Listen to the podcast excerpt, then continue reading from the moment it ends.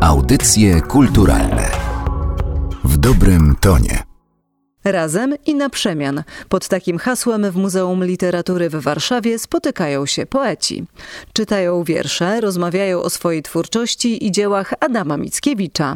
Pomysłodawcami cyklu są Jan Barański i Jarosław Mikołajewski, a audycje kulturalne przysłuchiwały się pierwszemu spotkaniu. Dziękuję Państwu za to, że udowodnili Państwo moją tezę, że niedziela, godzina 13 to jest dobra pora. Gośćmi dzisiejszego spotkania są, czym Państwo wiedzą, bo inaczej Państwo nie przyszli, jest Anna Liwkowska i Krzysztof Boczkowski. Ten cykl się dzisiaj zaczyna, to jest cykl Razem i na przemian. Na czym to polega? Razem, no bo są razem.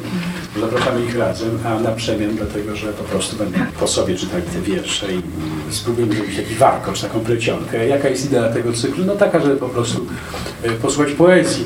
Takiej mowy bełkotliwej, kłamliwej jest strasznie dużo. Postanowiliśmy w związku z tym pogadać poezją odrobinkę, odświeżyć język, odświeżyć umysły, to Ryszard Kapuściński, mój serdeczny przyjaciel, mówił mi, że trzeba czytać poezję co chwilę dosłownie, dlatego wszystko jedno, od środka, ostatnie wersy jakiegoś wiersza, po to, żeby sobie wypłukać właśnie język, żeby odświeżyć mowę, że ta mowa zastyga, że jesteśmy przyzwyczajeni do powtarzania komunałów, gotowych związków, a jak sobie przeczytamy kawałek wiersza, to zobaczymy, że tę mowę można po prostu stworzyć na nowo.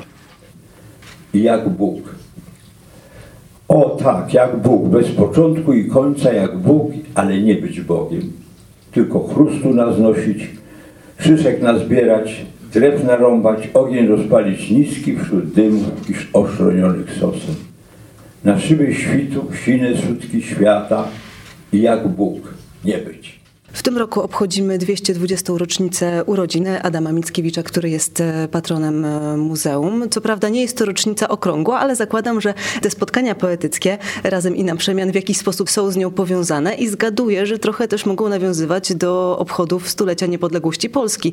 No bo jednak wieszczy dla poczucia tożsamości narodowej zrobił chyba e, najwięcej. Kiedy dyskutowaliśmy nad scenariuszem spotkań, automatycznie do głowy przyszedł nam pomysł na przemieszanie Mickiewicza i współczesnej poezji. Jan Barański, jestem kustoszem Muzeum Literatury imienia Adama Mickiewicza w Warszawie. W związku z rocznicą, o której pani wspomniała, nie mogliśmy go pominąć. Wszyscyśmy z niego, jak mówił inny wielki poeta doby polskiego romantyzmu, Krasiński Zygmunt. Ja jestem bardzo osobiście ciekaw, jak współcześni poeci widzą Mickiewicza, jak widzą jego poezję, jak do niej podchodzą i czy w ogóle biorą ją pod uwagę w swojej twórczości.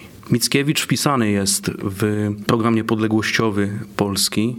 U Mickiewicza słowo było na pierwszym miejscu i czyn, czyn właśnie ten niepodległościowy.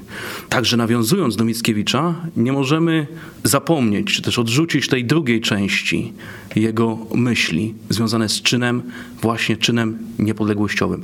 Współcześni poeci na naszych spotkaniach będą musieli się do tego odnieść, będą jakoś zmuszeni do tego ale to taka, myślę, przyjemna konieczność. Opowiedzmy może trochę więcej o tym, jak te spotkania będą wyglądały, bo one nie tylko są nietypowe dlatego, że poeci oprócz swojej twórczości będą się e, również odnosić do twórczości Mickiewicza. Tu się spotykają w parach przeróżnych i płciowo, i pokoleniowo. Formuła spotkań sprytnie i podstępnie przez nas wymyślona opiera się na różnicach i podobieństwach. Stąd też tytuł Razem i na przemian. Różnice to przede wszystkim różnice pokoleniowe, ale także różnice płci. Na spotkania zapraszamy poetkę i poetę. Zawsze któryś z zaproszonych gości z większym bagażem doświadczeń poetyckich. Młodszy poeta i starszy poeta, kobieta i mężczyzna. I te perspektywy różne siłą rzeczy wytworzą nam, mam nadzieję, ciekawy dialog, ciekawą rozmowę o poezji, no i oczywiście z Mickiewiczem w tle. Czy dobierając tę parę zwracaliście panowie uwagę na to, czy ci twórcy już mieli kiedyś okazję gdzieś wspólnie się pojawić, skonfrontować swoją twórczość, może nawzajem się do siebie w jakiś sposób odnosili? Staramy się właśnie, żeby się nie znali, żeby to dla nich też było atrakcyjne spotkanie, wzajemne poznanie się właśnie w języku poezji, w języku przecież tak odmiennym od języka codziennego, języku piękna, po prostu piękna, żeby to spotkanie było atrakcyjne nie tylko dla gości, ale także dla samych zaproszonych. Ten element zaskoczenia jest dla nas ważny, istotny. Ale nie wiadomo, czy poeci przed spotkaniem nie spróbują tutaj czegoś przygotować wspólnie. Na taki spisek nie jesteśmy faktycznie przygotowani. Niech próbują, zobaczymy, co z tego wyjdzie. I wracając jeszcze na chwilę do formuły spotkania, to będzie nie tyle rozmowa, co też e, prezentacja dorobku tej pary poetyckiej, ale też przy okazji gdzieś musi wybrzmieć Mickiewicz, czyli czytamy Mickiewicza. Ja myślę, że kolejność jest tutaj dowolna. Czy poeta, poetka najpierw zaprezentuje swoją twórczość, czy odniesie się do jakiegoś szczególnie istotnego fragmentu twórczości Mickiewicza, to nie jest najważniejsze.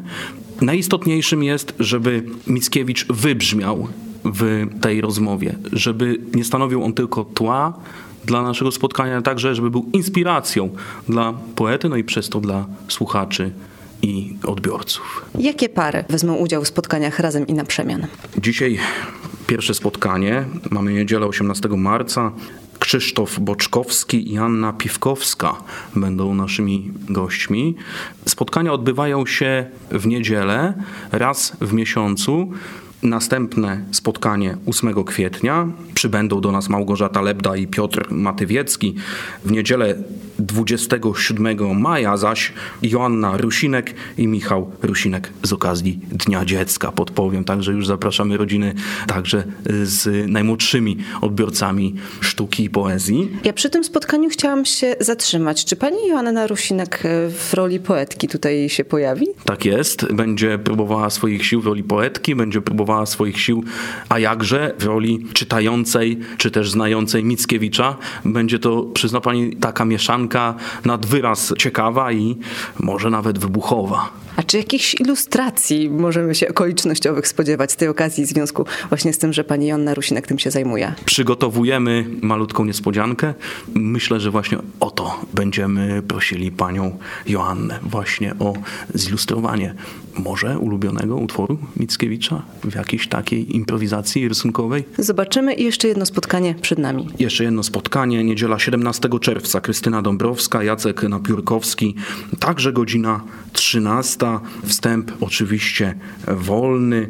I na koniec wróćmy jeszcze na moment do samego Adama Mickiewicza. Jego duch w Muzeum Literatury musi być żywy, to wiemy, ale jak pan ocenia, czy on jeszcze gdzieś jest właśnie obecny, nie tyle w środowisku poetyckim, co w ogóle może tutaj jakoś wśród gości Muzeum Literatury można stwierdzić, jak to z tym Mickiewiczem jest. No i może już poeci zaproszeni na spotkania też e, coś zdradzali na temat swojego stosunku do wieszcza. Muzeum Literatury jest miejscem, w którym od 1998 roku istnieje wystawa stała poświęcona życiu i twórczości Adama Mickiewicza, więc każdy z gości, który tu zawita do nas, siłą rzeczy z Mickiewiczem w jakiś sposób ma do czynienia.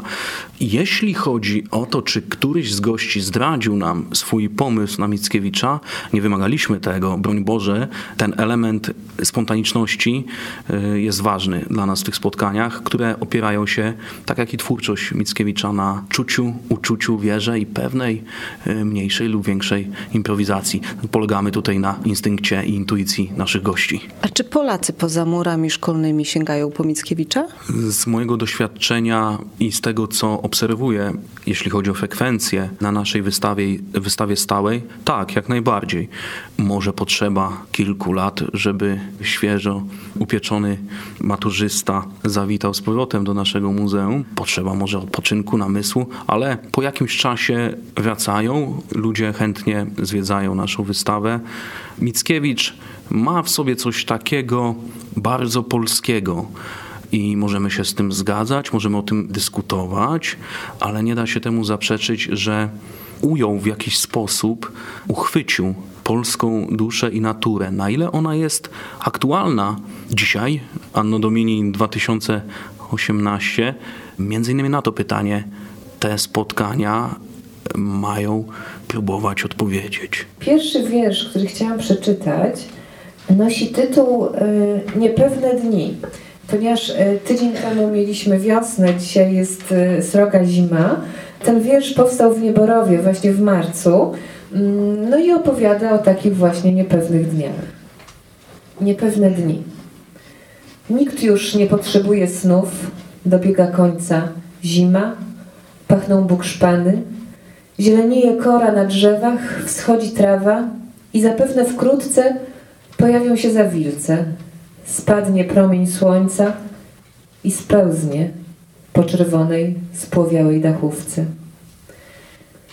Dni są niepewne i jeśli słuchamy w te dni przy świecach z płyt rosyjskich smyczków, tnących wysoko w niebie srebrne wiolonczele, albo nut nostalgicznych z nadmórz południowych, albo głosów kobiecych, gęstych, operowych, to tylko krótką chwilę, a potem wsiadamy w samochód opryskany tłustym błotem marca, by jechać niecierpliwie bocznymi drogami i patrzymy na niebo, raz czyste, raz ciemne, błysk, który jak kret wraca w koryta podziemne. Wytrwale strych sprzątamy, w sklepach ogrodniczych kupujemy sadzonki, zaczynamy liczyć dni do wiosny i wtedy przychodzą głębokie zaspy, sny i zamiecie. Mróz ciągnie od okien.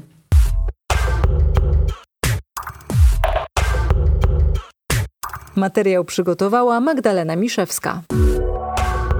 Audycje kulturalne w dobrym tonie.